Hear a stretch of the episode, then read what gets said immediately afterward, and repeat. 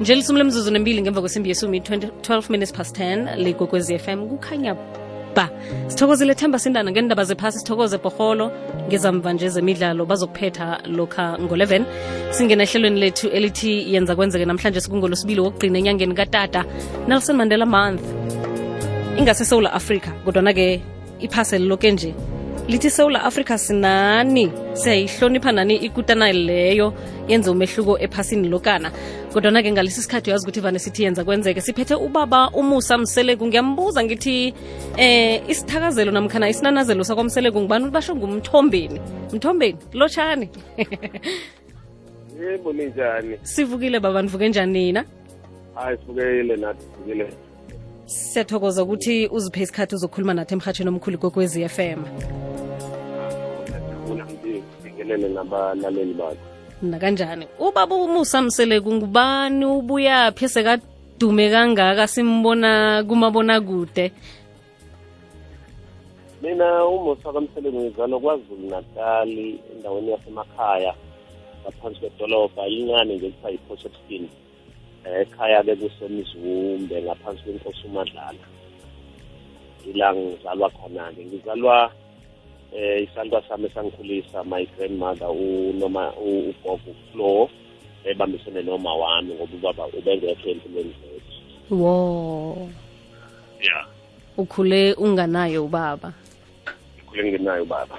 Udlulile ephasini namkhana mhlawumbe asakekho empilweni akho zangikhabe khona azangabe khona nje empilweni yami azange abe yilo baba owayefuna ukuthi abe sempilweni eh, yengane yakhe mm. eh a- azangafisi ukuthi kube kanjalo Mm.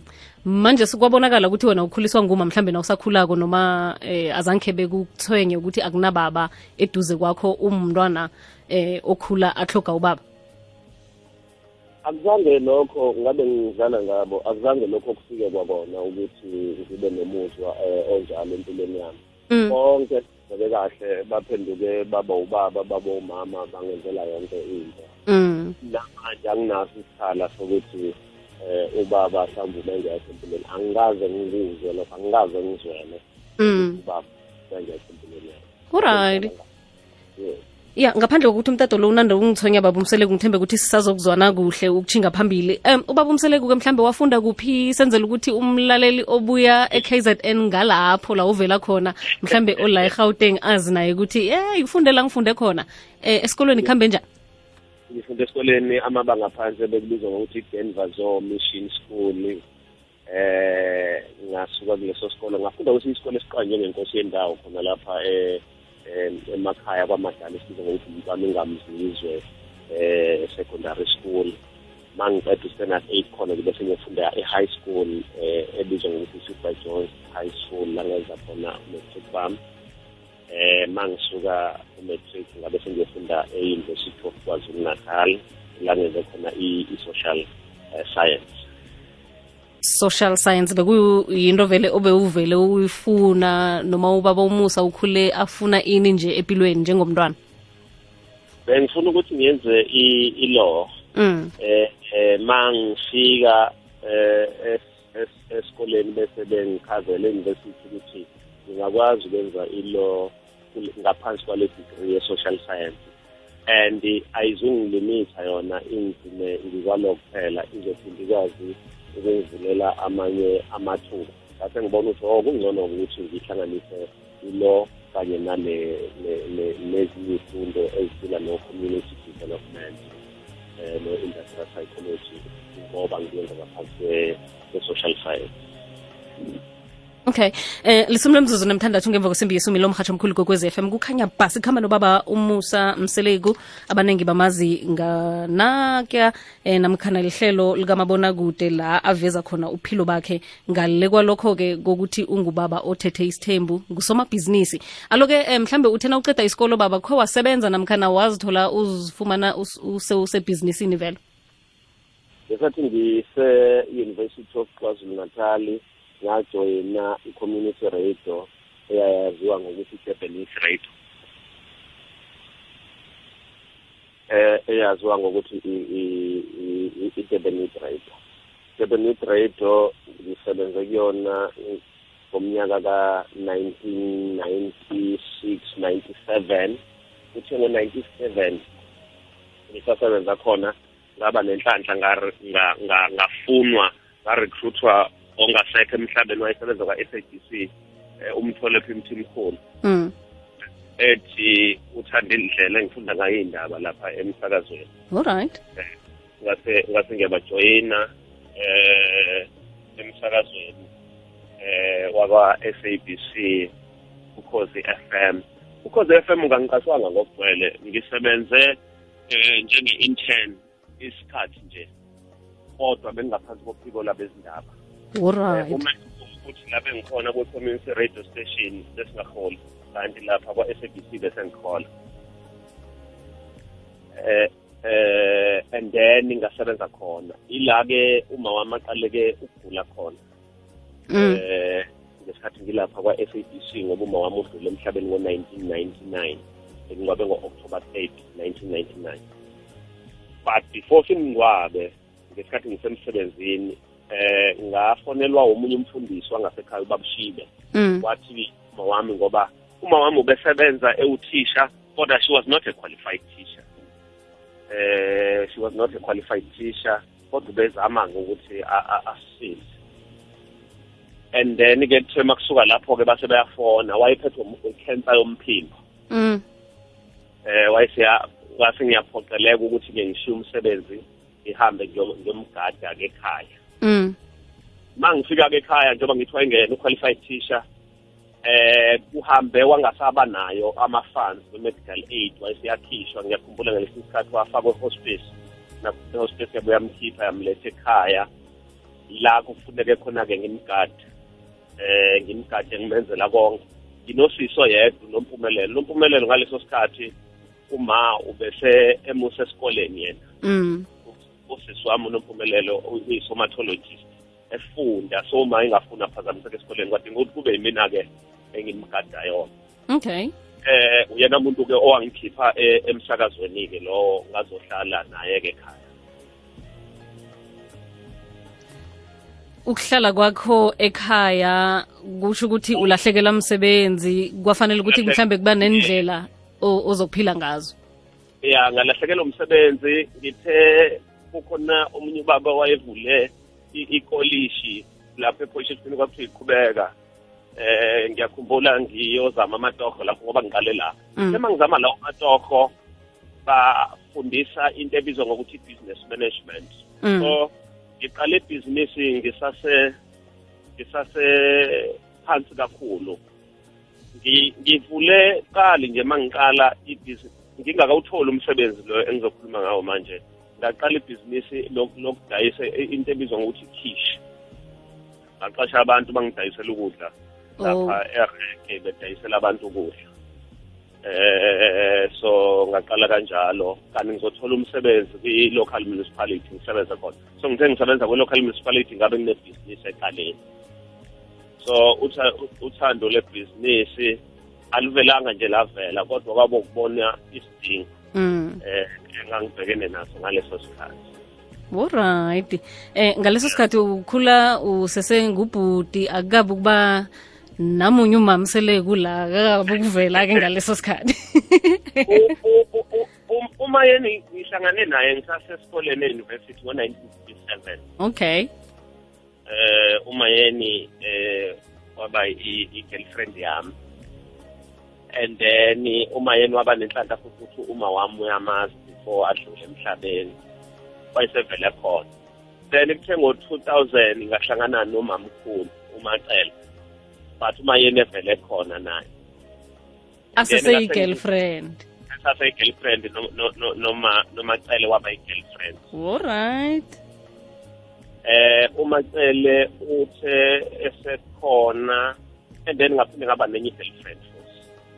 Futhi sokuthi ngaba na-three wama-girlfriend eh omunye unkosikazi wami ethiwa usindi saul Mm. wadlula emhlabeni ngo-2008 enkonzweni yemoto asikisi.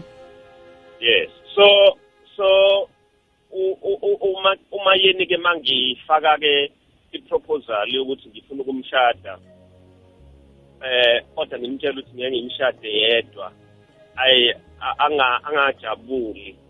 Ukuthi kukhona into enjalo engenzeka. In fact indaba yesithembu eh ibiyaziwa njena kodwa beyazi ukuthi yenziwa abantu abadala eh futhi aba abangafundile basemakhaya. So ngicabanga ukuthi nabo abazange bangizwe kahle ukuthi ha le nto izoyenzeka. Mm.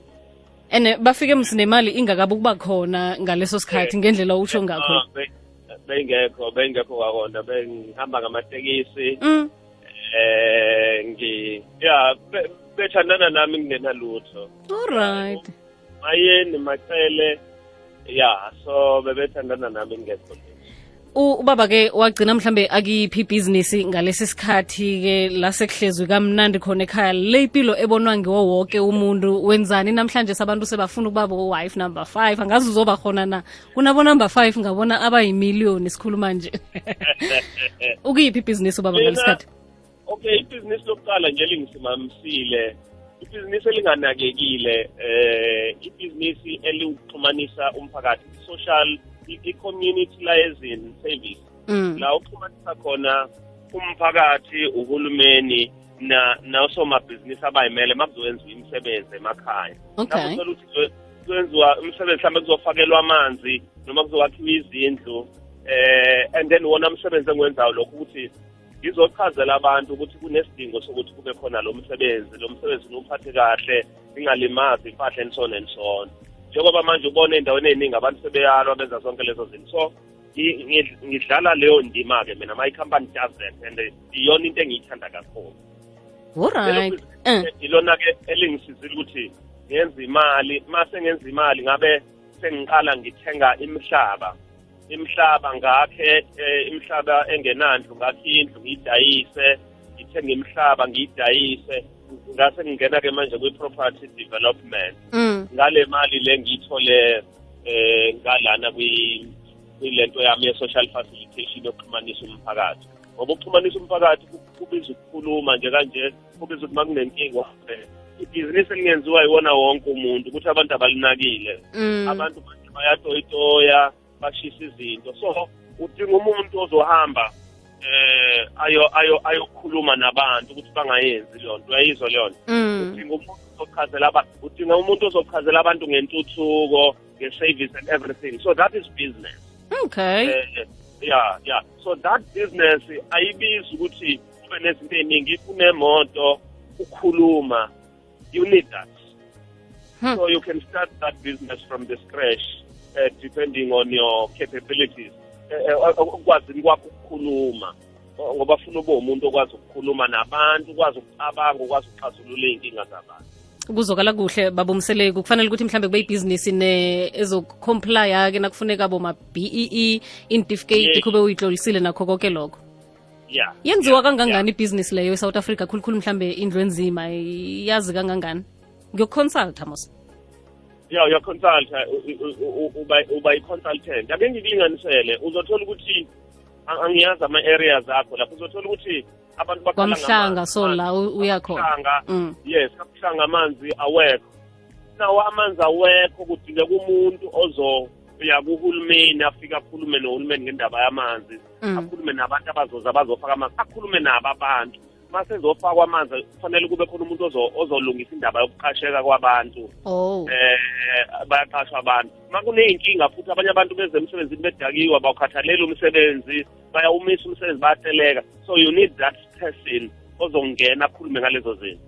Angabe futhi lezi zinto sezikhona iponsi lamanzi elilahlekayo liyimali kuhulumeni so udingeka ukuyokuchazela abantu ukuthi ungashiyi umpompini ovulile eh amanzi wongene and so on and so on ngoba amanzi ascarce so mm. that is business. You need a person ozobe ozongena ebantwini aphile nabo abantu abachazele lento. Alright inemali ngoba abantu bayifuna imali eh kufanele ukuthi no no no angithi angithi uchaja nge-hour. Okay. Uchaja nge-hour i-service yakho ukuthi mina i-hour lami lemali I- i- njengoba kuyi-consultation njena kufana nokuyobona udokotela kufana nokuyobona ummeli uyasho ukuthi imali yami nge-hour imali engaka. Mm. so ya unemali. Depending kwi- kwi-level yakho yeskill ukuthi wena uneskill esingakanani sokwenza lo msebenzi. Uchaja abani-ke la? Uchaja uhulumente noma abantu bendawo noma njani? No no ucha- uchaja u- u- uhulumeni vele le mali nale inkampani ezizimele bayayifaka kubona imali ebhekele ake ngikulinganisele i-recruitment yabantu makuzofuneka abantu abazosebenza bayoyifaka leyo mali ukuthi sizodinga abantu abangaka. Mm. sizodinga umuntu ozoxhumanisa thina nalabantu. Eh ikhona leyo mali awuyichaji kubantu laba bomphakathi. Uyichaja vele iyingxenye yomsebenzi ifakiwe emsebenzini ekufanele uwenze. Alright ngikuzwa kuhle baba umsele kufuneka umuntu okwazi ukukhuluma. Ngiyabonakala Eh. ukuthi eh wenzeni kilabo mama uyakwazi ukukhuluma. Ngiyakubona ukuthi ubabambe njani.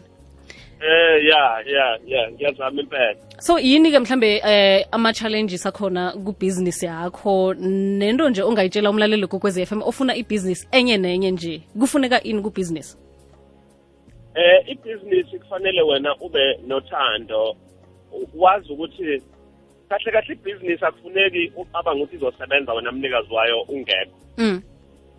ibhizinisi ayisebenzi wena ma ungekho. Kufanele uvuke sonke isikhathi ulangazelele ukuthi uyoyenza lo msebenzi lo that business ukuze isebenze. Okay. Ngoba amanye ama- ama- ama-business wena ukhulu wakho uba yiyona ibhizinisi isevisi eh angilinganise uma ngabe abantu bezofika endaweni yakho. Eh yokudlela bafuna ukubona wena with a smile Mm. ufuna ukudlani mabe nenkinga eh bakutshele. Sometimes abantu bathi ukudla kwakho akumnandi fanele ungaphoxeki eh uthathe lokho with a smile uhambe uyolungisa. Mhlambe futhi kwesinye isikhathi ubuze ukuthi yini ebeyingalungile umuntu akutshela ukuthi nonako bengalungile ukwazi ukuthatha. So into enjalo ibhizinisi ayifuni ucabanga ukuthi uzoqala yona bese iyasebenza. Ifuna nawe ube khona kuyona ukuthi ukwazi ukusebenza. Kuzokala kamnandi ngubaba umusa mseleku senginombuzo ovela kumlaleli kodwana-ke na ubuze la mayelana nokuba naboma abane. Uthi eh ngimapha ama-challenges? Mhlambe hani nayo uyakufuna na?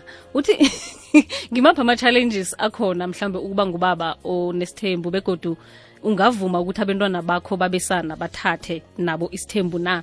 Khona eh ekhakwa uthini eh bayakuhlonipha la uthethe khona na ebukhweni kikho konke lapho uthethe khona? Okay angiqale ngokuthi nje yokuqala obhekana nayo uma ngabe uzothatha isithembu mama babumseleko ngiba ukukubamba baba eh ncanca bekhulu nje akhe siyokuzwa inhloko zendaba zephasi bese sibuye sizoyiphetha vele ngoba akukhonakala ukuthi ngimkhulumise abantu bamazi ngokuthi ungubaba wethando nesithembu. Siba ukudlulisa inhloko zendaba zephasi bese ke sibuye sizoyiphetha okay thank alright masumi amathathu wemzuzu ngemva kwesimbi yesumi. Masumi amathathu ngaphambi kwesimbi yesumi nanye. Half past 10 leyigwekwezi FM kukhanya bhasi yabuya. Asikakhohlwa musukuthi ukuthi kwenyanga katata right? Sisawenza musa umehluko endaweni zemakhaya ngitsho. Masumi amabili omzuzu nebunane ngaphambi kwesimbi yesumi nanye. Leyigwekwezi FM kukhanya bhasi thokozele themba sindana bekasisho ukuthi hlangana nezinye indaba zephasi esingazithola ngesimbi yesumi nanye ngiziphi esingazilindela? Bengingazi ukuthi ngikhuluma naloyo wakho abamlinganethu noma bengingekho ku-sabc eh uyasazi isikhathi sendaba ukuthi vele nakufanele singene nakufanele ufunde inhloko zendaba babo. Umseleku kwakufanele kwenzeke lokho noma i-interview iragela phambili. Siyathokoza ukuthi usibambele. Bambe zibalulekile iy'ndaba ukuze abantu bazi ukuthi kwenzakalani ezweni. Usawukhumbula umbuzo loya? Sawukhumbula. Okay. Eh i-challenge enkulu obhekana nayo uma uyindoda enamakhosikazi angaphezulu kweyedwa. Ukuthi amakhosikazi akafani. Eh ingozi ke ukuthi uhlale mhlawumbe ucabanga ukuthi ungafisa afane kodwa akafani ngoba uzothola ukuthi enye i- i- i- i-personality yayo ikwazi ukwenza izinto ngendlela ehlukile. Manje loo nto ayifuni ucabanga ukuthi nalenye izokwenza nga- njengale ndlela yaleyo. Kufanele ufunde lokho ukuthi ungabafanisi futhi ukwamukela ukuthi abasola mm. Enye i-challenge enkulu yokuthi isikhathi isikhathi isona esikwazi ukubonisa ukuthi umuntu uyamthanda noma umthandini nga- ngaphezu kwemali ngoba isikhathi isona osichitha nomuntu umuntu uma ngabe eh engekho manjena ungenaso isikhathi sakhe akavumi ukuthi uyamthanda uvela athi no awusamnakile awunaso isikhathi sakhe awunaso isikhathi sey'ngane iyona nto ke ekufanele ukwazi-ke leyo uyicophelela kakhulu. Eh futhi unga- ungalinge uma uxabene nomunye unkosikazi omshiye eh uthi uzohamba uye komunye unkosikazi ungakwenzi lokho eh vele njena ulokhuze eh uhlale khona kunzima kunjalo uhlale nalowo nkosikazi kuze kulunge inkinga yenu ungamshiyi ngoba nixabene ngoba uthi nomunye unkosikazi Mm. basho ngavuma Eh. ukuthi bakho abentwana babesana bathatha isithembu Eh angifuni ukuthi ngithi ngingavuma abafana bami babantwana bathathe isithembu. Isithembu akufuneki siye ngokuthi uyasikopela ngoba senziwa ubaba wakho bese uthi uzosenza. Ufuna ungasenzi kanjalo Mm. isithembu. Isithembu kufuneka usenze ngoba wena unomuzwa wena mnikazi waso wokuthi ungakwazi ukusenza. Awubheke nje ukuthi mangase umfana wami ngithi akathatha isithembu mase semhlula uzothi ngangivele ngingasifuni isithembu mina ubaba wathi sele eza mm. nakeza Yeah. kuwe athi nami ngimuntu nginjalo eh uzamvumela umnikela imbusiso zakho. Ngizo- ngizo- ngiqale ngimbuze ngizoqale ngimtshele izinto engicabanga ukuthi zenza ngingakholelwa ekuthina ngasiphathi isithembu ma ngikholelwa ukuthi lezo zinto unazo-ke then bese ngithi hayi kulungile ungasiphatha isithembu kodwa ma ngikholelwa ukuthi ngeke ngiyomtshela futhi ngeke ngoba ukhumbule ukuthi manje nasekunegama lami phakathi kule nto so uyobe ezalwa yimina uyobe emele mina so ngeke ngikwazi ukuvuma ukuthi enze into engalunganga ngenxa yokuthi um yena ufuna ukuthatha ene-ke musise unemndeni eminingi babumseleku ukhuluma nangesikhathi. Uyabuza kodwa umlalela ukuthi eh, ebukhweni bakuthanda konke na? Nalapha la mhlambe kunomnyanya uyafuneka nala khunye kunomnyanya na- na- nala msihlobo sakhona nala ungusibari eh usebenza njani isikhathi esingaka? Sibuyaphi uyabona-ke ngithi-ke isithembu isona leso ukuthi abantu basemakhweni akho baqale bakwazi ba- bakwazi wena ukuthi uyindoda enesithembu yobachazela akuhlale njalo kunezinto eh ngesikhathi esisodwa emakhweni akho mm. uma ngabe kunento ofanele wenza isiqiniseko ukuthi ukhona nabo bazizwe ukuthi banomkhwenyana bamswele umkhwenyana. Nakwenye indawo noma ngabe kunesifo noma ngabe kunomshado noma ngabe kunani kufanele uma kwenzekile izinto zahlangana ngesikhathi esodwa Ah. kufanele wena uthembuze ufike ekuseni uqale isikhathi ntambama kanjalo kwenzela ukuthi angabikho umuntu ozothi umkhwenyana zangafike khona ngobe nesithelo Mm. Mm. yes no babumsele kusithokozile ukuthi ube nathi elangela namhlanje sisibona poster lapho basho uzabe ukwamhlanga musa yes eh ngomhla ka is it mhla ka 19 or 18 19 august. 19 19 August yes ngizobe ngikhona. Uyobe ubatshelana abantu? Eh angifuni ukuthi abantu batshelwe yimina. Ngifuna abantu bona beze bazongitshela iy'nkinga zabo. Mina ngibhekane ney'nkinga zabo.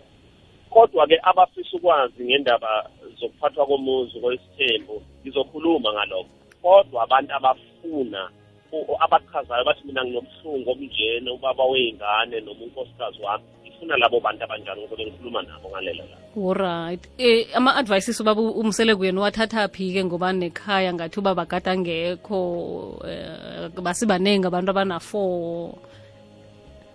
Into enhle engiyenzile eh ukuthi ngiye kubantu abadala Mm. eh elder people ngayo ngayoncela ulwazi abahlukahlukene abanye abanethemba abanye abangenazo okay. Abanye abasithandayo nabanye abangasifuni isithembu.